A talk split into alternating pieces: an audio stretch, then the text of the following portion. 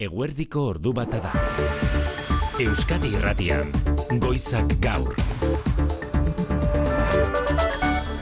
Arratsaldeon deizuela guztioi amaitu berria Gipuzkoako lurralde auzitegian Santi Koka gaztearen eriotza argitzeko gaurko epaiketaren saioa bost akusatu nagusitatik bati karguak erretiratu eta libre utzi dute. Gazteek guztiek ukatu dute Kokaren eriotza eragin zuen jipoian parte hartu zutenik. Berehala joko dugu esan bezala auzitegira. Bien bitartean pentsiodunak zaintzeuden albisteren berri jaso dugu goizak gaur.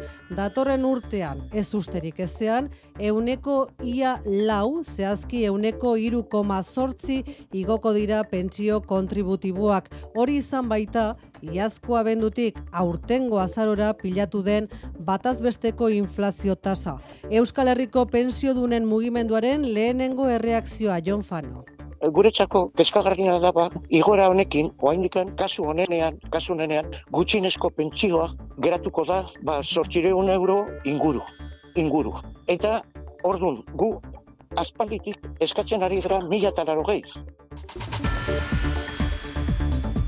Eguneko beste lerro buruetan inigo alustiz arratsaldeon. Baita zuri ere maite. Hipotekako gastuak bezeroei itzultzen ari zaizkie Kutxabank eta Laboral Kutxa eka konsumitzaileen elkarteak eskatutakoaren bidetik. Euskadi Erratiko Faktorian elkarteko abokatu Leire Alberdik azaldu digu maileguan 2000 eta emeretzia baino lehen sinatu zutenen gastuak erreklamatzeko orain arte banan-banan jo izan duela justiziara ekak eta kaso gehienetan epaileek arrazoi eman diotenez elkarteak orain banku guztiei egin diela eskari orokorra. Kutxabankek, Kutxabankek behin ipein erantzun dio eskaerari eta orain bezero bakoitzari dagokio erreklamazio egitea. Orain arte banan-banan egiten zuen Kutxabankek erreklamazio individualei erantzun, orain aldiz, ba, orokorki nulitate hori e, aurretiaz onartu du. Horrek esan edu nulitate onartu duenez, eta aldi berean klausula hauek kenduko dituela esanez, ba, ondorio bezala gastuen itzulketa egin beharko lukeela, ez?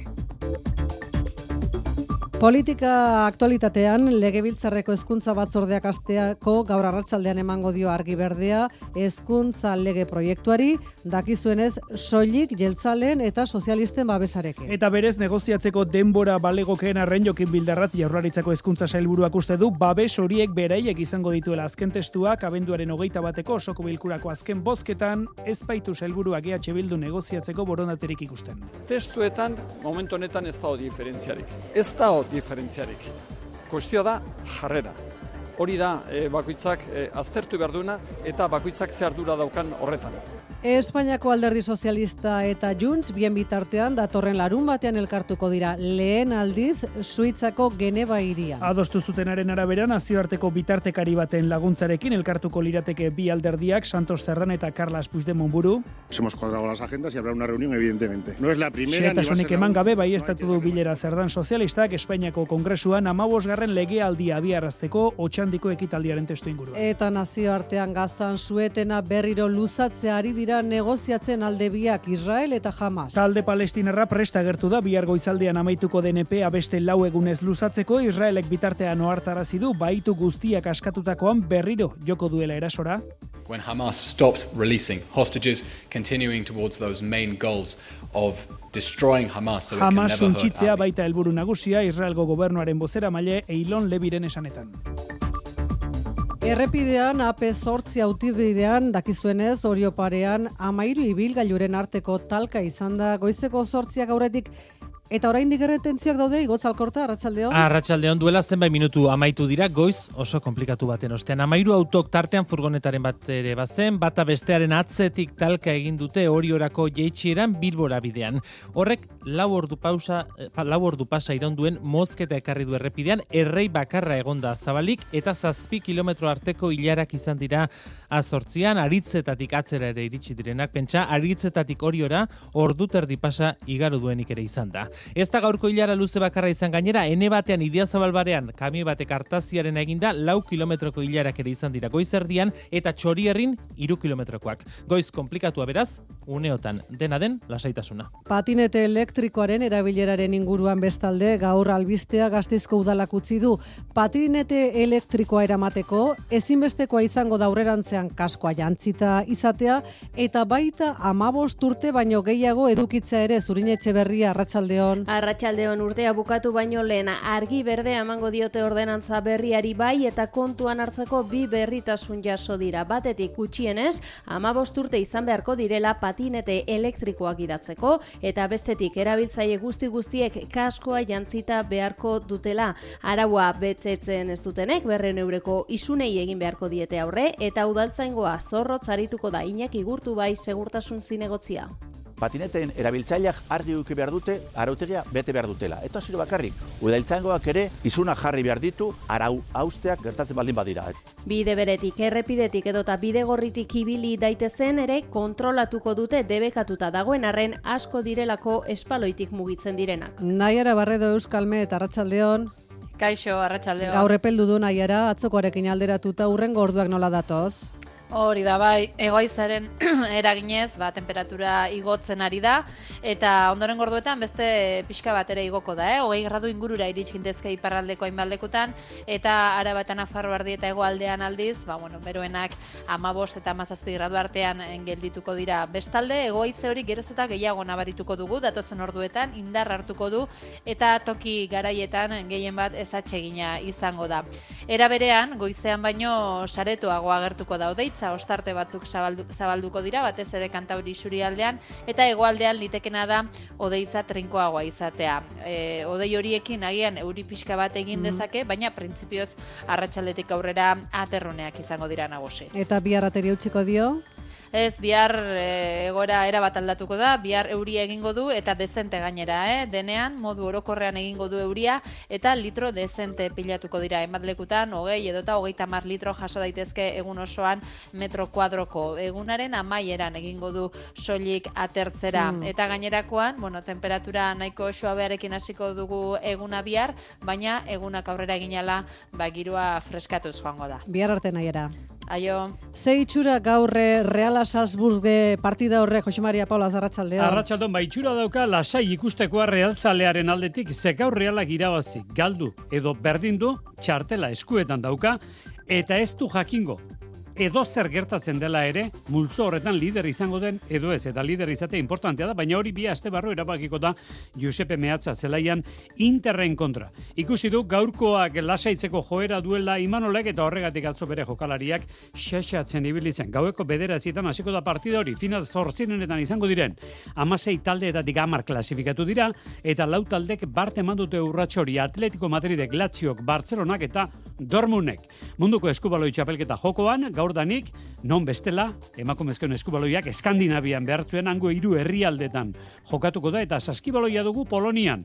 Gaur Gernika, hauek ere txartela eskuetan, baina aldea handia zirabazten saiatuko dira urrengoari begira. Kulturan urtean zehar Lapurdin, Behen, Afarroan eta Zuberoan izandako ekoizpenaren katalogoa osatu du Euskal Kultura erakundeak manutxe zartu. Kaixo maite, 2008an Ipar Euskal Herrian, hogeite emeretzi lan osatu dituzte liburuak, diskoak eta beste inbat kultura ekoizpen eta guztiak katalogo batean bildu ditu Euskal Kultur erakundeak egin justu Durangoko azokara begira. Urteak eman duen kultur eskaintza anitza izan da eta Durango ikusiko da Maia Etxandi Euskal Kultur erakundea. Beti usaian erraiten duguna, baina zinez badela eskaintza aberatsa eta eta bai, denetarik badela aur literatura, poesia, saiakerak, eleberri grafikoak ere toki geroztak gehiago hartzen dutela komiki eleberri grafikoek. Durangon izango diren lan berrien artean, Karma talderen disko berria, Kuma Nomo taldearen disko berria, literatura, novela grafiko bat, gora Euskal Herrien txak, Aziz Kormenetarena, Xan Iriartaren ipuin bilduma nostalgia ez da salgai, eta beste ipuin bat, eneko bidegainena, izar saltzailea maite. Ordu bata eta bederatzi, Xabi Gallastegi eta Mirari Egurtza teknikan eta errealizazio. Euskadi Irratian, Goizak Gaur.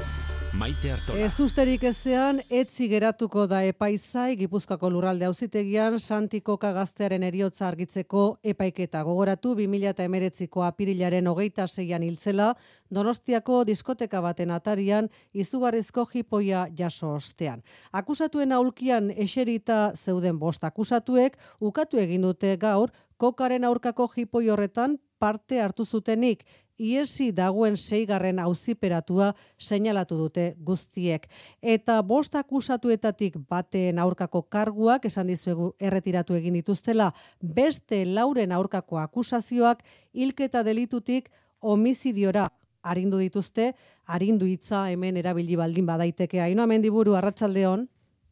Arratsaldeon, homizidio delitua nagusitasun astungarriarekin leporatu diete fiskaltzak, akusazio partikularrak eta herri akusazioak akusatuen aulkian eseri diren bost gaztetatik lauri.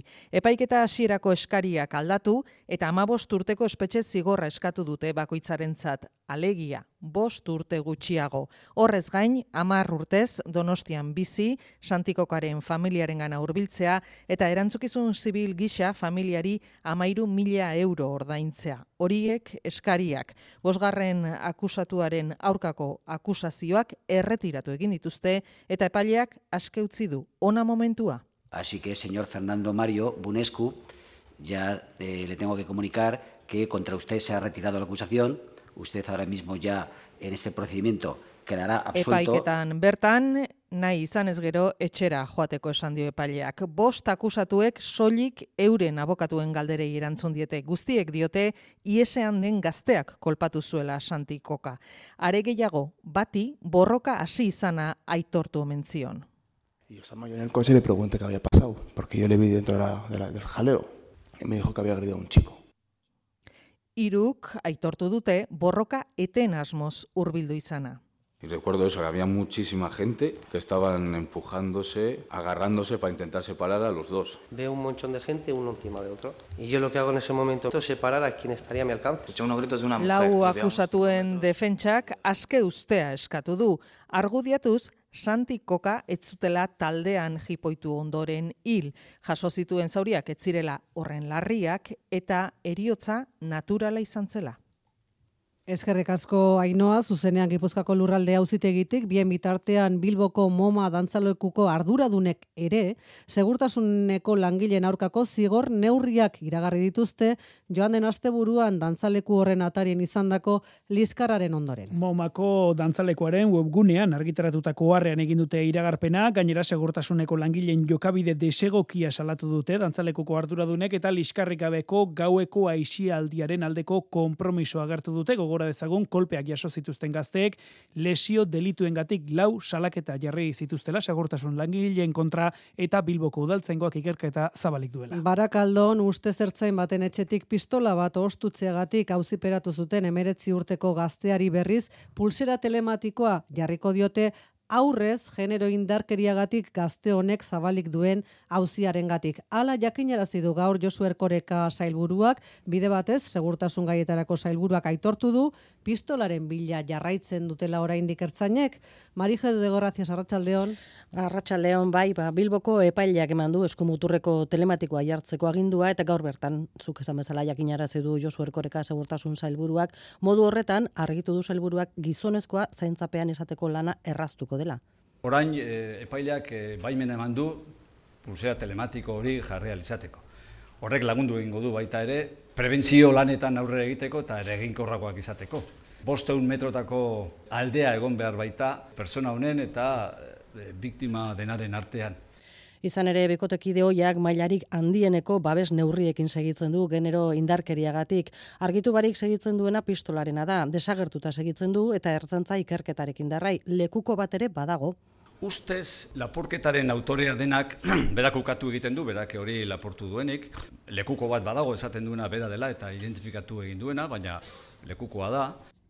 Baina kontua da maite, amaika egun pasabirela, ertzain baten etxetik pistola lapurtu zutela, ustezko egilea identifikatuta dagoera bien arteko harremara zein den ikertzen jarraitzen dutela, baina ez dagoela pistolaren arrastorik. Ordu bata eta malau minutu dira, bihar mugimendu feministak badakizue greba orokorra deituta daukala, zaintze erdigunean jartzeko, greba orokor bateko ohiko gutxieneko zerbitzuak ezarri ditu jaularitzak Euskal Autonomia erkidegoan.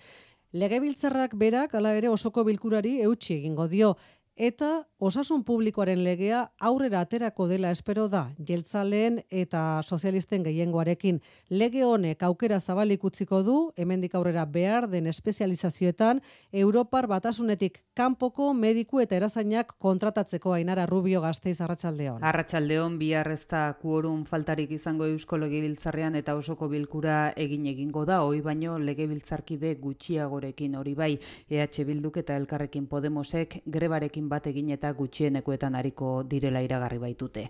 Bi lege onartuko dira tartean Europar batasunetik kanpoko mediku eta erizainak kontratatzea albidetuko duen osasun publikoko legea. Xedapen gehigarri batean legeak dio salbuespen modura betetzeko zaiak diren espezialitateetan egiturazko defizita dutenetan alegia kontratatu izango direla atzerriko osasun profesionalak. Gainerakoan greba orokorretarako ezarri ohi diren gutxieneko zerbitzuak ezarri ditu jaurlaritzak osasun arloan ospitaleetan jaiegunetako zerbitzua, lehen arretan larun batetakoa eta larrialdietan euneko eunekoa, adinekoen edota mendekotasuna duten pertsonentzako egoitzetan eta eguneko zentroetan gutxienez langileen erdia hariko dalanean, ikastetxeetan hezkuntza etapa bakoitzeko irakasle bana eta garraio publikoan euneko hogeita hamarreko zerbitzua eskainiko da gutxienez, lehen etxiz beti ere ospitaleetarako joan etorriak eta lanerako sarrera irteera orduak. Azkenik, Euskal Irrati Telebistak albistegiak bermatuko ditu.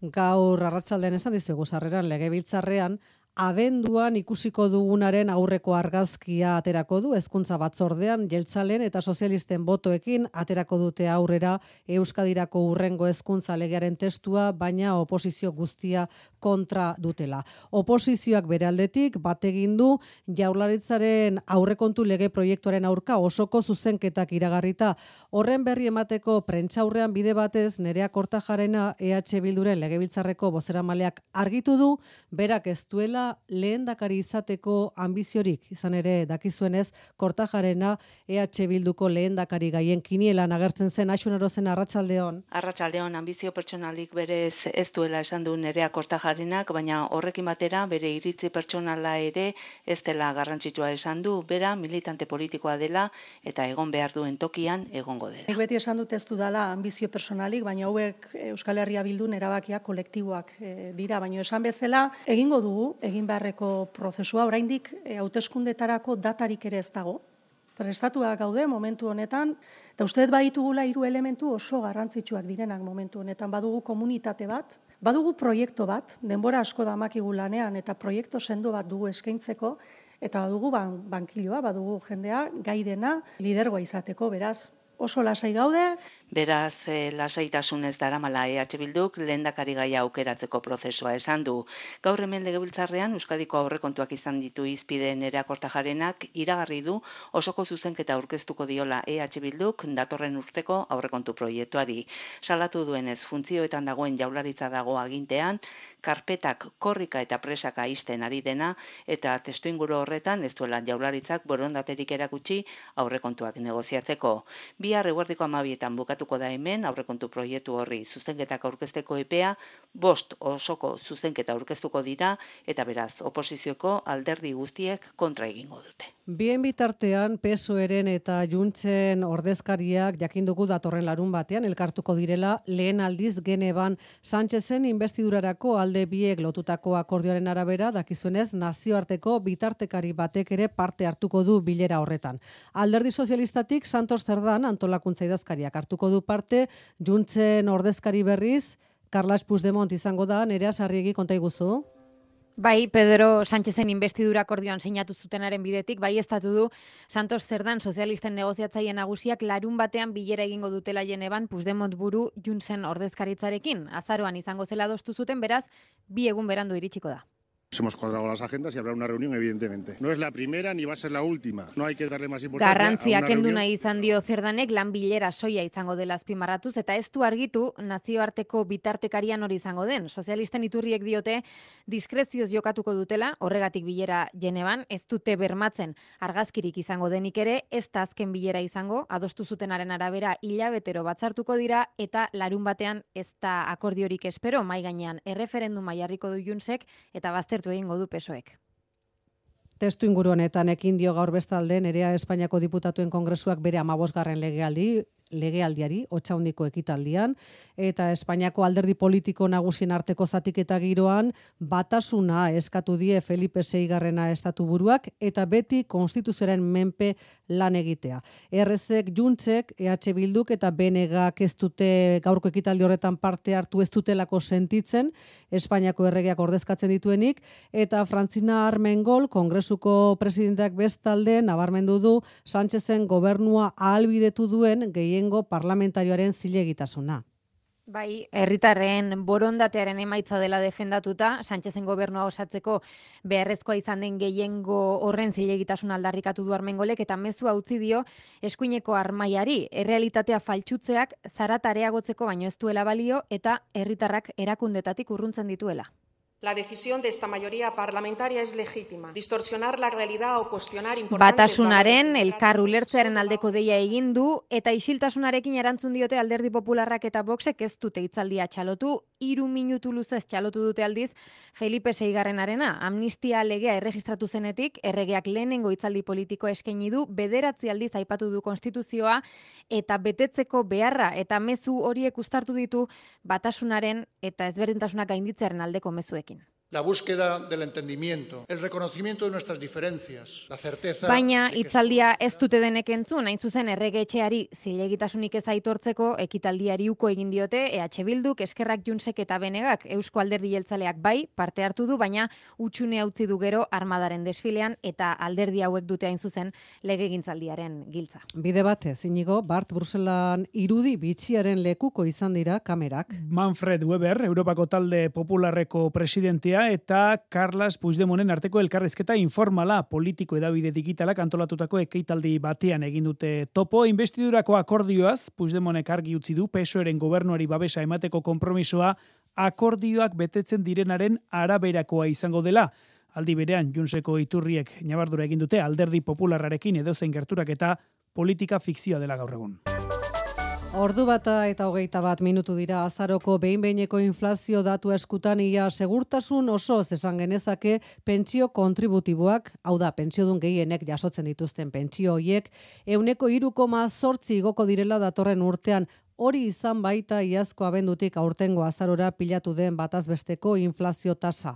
Horrekin batera nabarmendu beharra dago, azaroan, iru amarren jeitsi dela inflazioa Espainiako estatistika erakundeak gaur aurreratutako datuaren arabera. Euneko iru terditik, euneko iru koma bira, sisto gagoitia. Errekaiak eta bidei turistikoa merketu eta gainera, elikagaiak iaz baino gutxiago garestitu izanak, eragindu inflazio tasa orokorraren jeitxiera.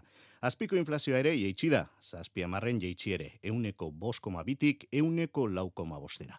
Nadia Calviño, Espainiako ekonomia ministroak nabarmendu du, gaurko datua ona dela, enpresa zein langileentzat. Con ello, los salarios siguen ganando poder adquisitivo y las empresas españolas competitividad, aumentando su cuota de mercado incluso en el difícil contexto internacional. Gaurkoa, esan dugu, datu aurreratua da. Abenduaren amalauan kaleratuko da behin betikoa, baina kontutan hartuta, aldaketak izatekotan oso txikiak izaten direla, ia segurtasun osoz. Esan genezake, pentsio kontributiboak euneko iruko sortzi igoko direla datorren urtean. Dirutan, horrek esan nahi du, Euskal Autonomia Erkidegoan, bataz besteko pentsioa, hileko berrogeita amasei euro igoko dela, eta Nafarroan berriz, berrogeita amabi euro. Gutxieneko soldataren igoera adosteko ere, erreferentzia bera erabiltzea proposatu du Jolanda Diaz Espainiako lan ministroak, baina patronalak horti berako igoera nahi du, euneko irukoa, eta sindikatuek aldiz hortigorakoa. Argudiatu baitute, elikagaiak batazbestekotik oso gora garestitu direla eta horrek bereziki eragiten diela errenta basuenei. Herritar askoren ganera gine izango duen beste albiste hau ere bai, hainbat erakunde finantziero, kutsa bank eta laboral kutsa tartean, ari dira hipoteka gastuak itzultzen. Kutsa banken kasuan onartu du hipoteka gastua bezeroaren kontura doala dioen klausula baliogabetzea eta eka konsumitzaileen elkarteren iritziz 2000 eta emeretzeren aurretik mailegua sinatu eta hipoteka gastuak ordaindu zituzten herritarrek erreklamazioa jartzeko bidea errazagoa izango dute. Beatriz Zabaleta. Orain arte banan-banan eta epaitegietan salaketa jarrita egin dira erreklamazioak kasu gehienetan gainera epaileak arrazoi eman dio erreklamazioa jarri duenari. Orain estrategia aldatu eta eskari orokorra egin die eka konsumitzaile elkarteak banketxeei. Mailegu gastuak bezeroaren bizkar direla dioen klausula baliogabea dela onartu eta hori bezeroari jakinarazi eta bestetik bezeroak egindako gastu ordainketa itzul dezala banketxeak. Kutxabanken erantzuna da momentuz jaso duten bakarra. Leire Alberdi eka konsumitzaile elkarteko abokatua da.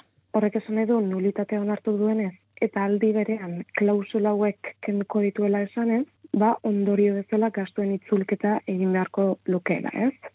Erantzunean bertan esaten delako, ba utzitegi gorenaren jurisprudentziak bere gain hartzen dituela, orain arte banan-banan egiten zuen kutxabankek, erreklamazio individualei erantzun, orain aldiz, ba orokorki nulitate hori e, aurretiaz onartu du. Modu honetara, ekaren iritziz bidea erreztu egingo zaie mailegua sinatu eta gastu guztiak ordaindu zituzen bezeroei eta reklamazioa egiteko agiria ere prestatu du konsumitzaile elkarteak uegunean topa dezakezue. Hori bai, ezinbesteko izango da fakturak aurkeztea notaritzako faktura, erregistroko faktura eta tasazio eta gestoriako faktura hauek azken kasuan ba, ez dira kasu guztietan ematen, beraz kontsumitzaile batzuk izan ditzazkete faktura hauek eta beste batzuek ez. Beraz, ahalegina egin beharko da faktura hoiek guztiak eskuratzeko esan da bezala kutsabank izan da ekaren gutunari erantzuten bakarra, laboral kutsatik jakinera duten ez bestalde, beraiek ere ari dira erreklamazioak bideratu eta ordainketak egiten. Gai ezera bat aldatuta gazara begira jarrita, suetena beste lau egunez luzatzea proposatu du azken orduotan jamasek EPA bihar goizean agortzen da erlojuaren aurkari dira gaur ere alde biak negoziatzen. Gaur gaurko zeunda irurogeita bat persona daude gazan baituta, horietatik amabost atzerritarrak. Mikel Aiestaran eite beren berri emalea arratsaldeon. Arratxaldeon, gazako suetenaren edapenaren bigarren eta azken eguna dugu eta suetena berriro luzatzeko negoziazioa areagotu da. Jamas prest agertu da etenaldi humanitarioa beste lau egunez luzatzeko trukeekin jarraitzeko eta zerrendari laguntza sartzen usteko. Oraingoz ez dago Israelen erantzun ofizialik. Gaur islamistek beste amar lagun askatuko dituzte eta bi errusier ere aske utziko dituztela iragarri dute Vladimir Putin presidenteari zuzendutako mugimendu dela diote. Azken orduetan, Israelgo Amerikako Estatu Batuetako eta Egiptoko inteligentzia zerbitzuetako arduradunak izan dira Katarren. Orain arte, jamasek, zibilak, emakumeak eta aurrak askatu ditu, baina hurrengo faseak eztabaidatzen ari dira emakume soldaduak eta erreserbistak askatzeko. Bruselan ere natoko aliatuek presio egin dute gazan sueten aluzatzaren alde Antoni Blinken, estatu batuetako atzerrigaietarako ministroak eta Jan Stoltenberg natoko idazkari nagusiak hitz egin berri dute norabide horretan.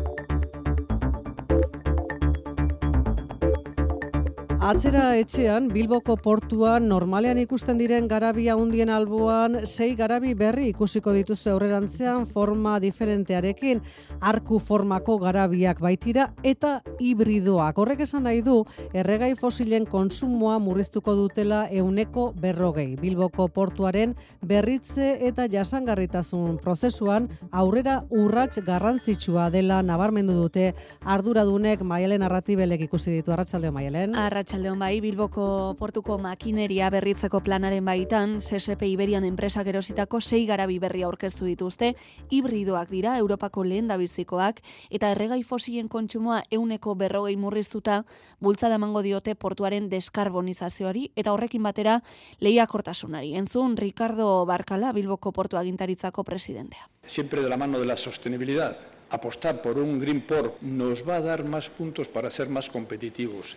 Amabi milioi euroko inbertsioa egin du konpainiak eta asmoa da portuan oroar elektrifikazioan aurrera urratsak ematen segitzea. Hala ere barkalak ez ezik arantxatapia ekonomiaren jarre, e, zailburuak esan du helburu berde horretan erabakigarria izango dela abiadura handiko trena.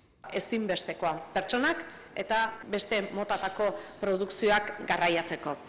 Euskadi helmuga erakargarria izan behar du, helmuga erakargarria hainbat enpresa garrantzitsu daudelako eta pertsonak erakarriko dituena eta baita ere bertan fidelizatuko dituena. Eta jo dezagun amaitu horretik iruñara, done Saturdi, Saturdi barkatu zaindariaren eguna, San Saturni, no, ospatzen ari dira, goiz osoan zehar musika, dantzak eta erraldoiak izan dira protagonista, eta beste urte batez jendetza batu da, Aitor Perez iruñeko aldezarrean zaude?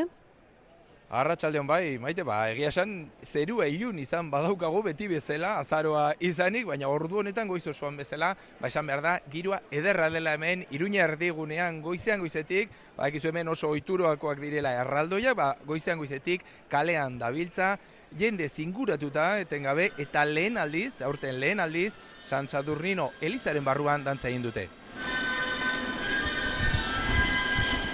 Toki gutxi zegoen Eliza barruan, baina enautan du eza konpartxako kidea pozik mintzatu zaigu esperientziarekin. Piskat berezia, ez? E, berria, berezia, leku berezia, e, lurra, ba, bueno, e, desberdina eta ba, unkigarria. Eguneko beste protagonista duguna udaldantza taldea da irurogeita mabos garren urte horrena ospatzeko udalaren omenaldia jasotziaz gain, sokadantza oso berezia dantzatuko dute hemendik minutu gutxira Iruñeko alde zarrean, niaritzi bainez zuzendaria da. Gure dantza taldean, aldi izan dugun bestela, ba, belaunaldi batek besteari eman dio bere Itxasi, jakintza, bere egiteko moldeak, bere baloreak, eta sokadantzan ere hola gertatzen da, ez? E, dantzari batek ondokoari eta horrekoari ematen dio eskua, eta hor bada kontaktu bat, eta hori irudikatu nahi izan dugu sokadantza horren bitartzen.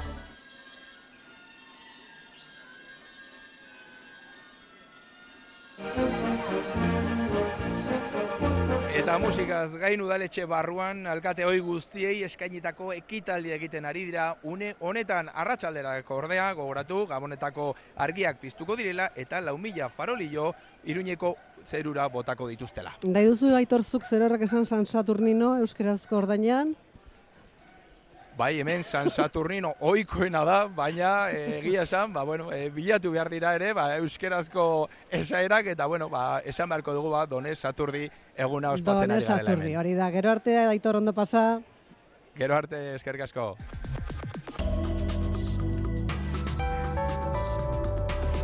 Euskadi irratian, eguraldia eta trafikoa. Zeberri errepidezaren nagusian Luis Eron. NS zazpi errepidean Txoriarriko korridorean Zamudion Donostiara bidean eh, oraindik ere autopilaketak dira goizeko istripuaren ondoren.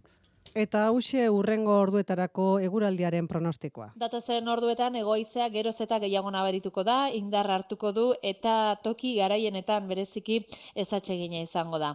Horrekin batera giroa nahiko epela izango da eta temperatura gaur hogei gradu ingurura iritsa daiteke iparraldeko hainbat lekutan.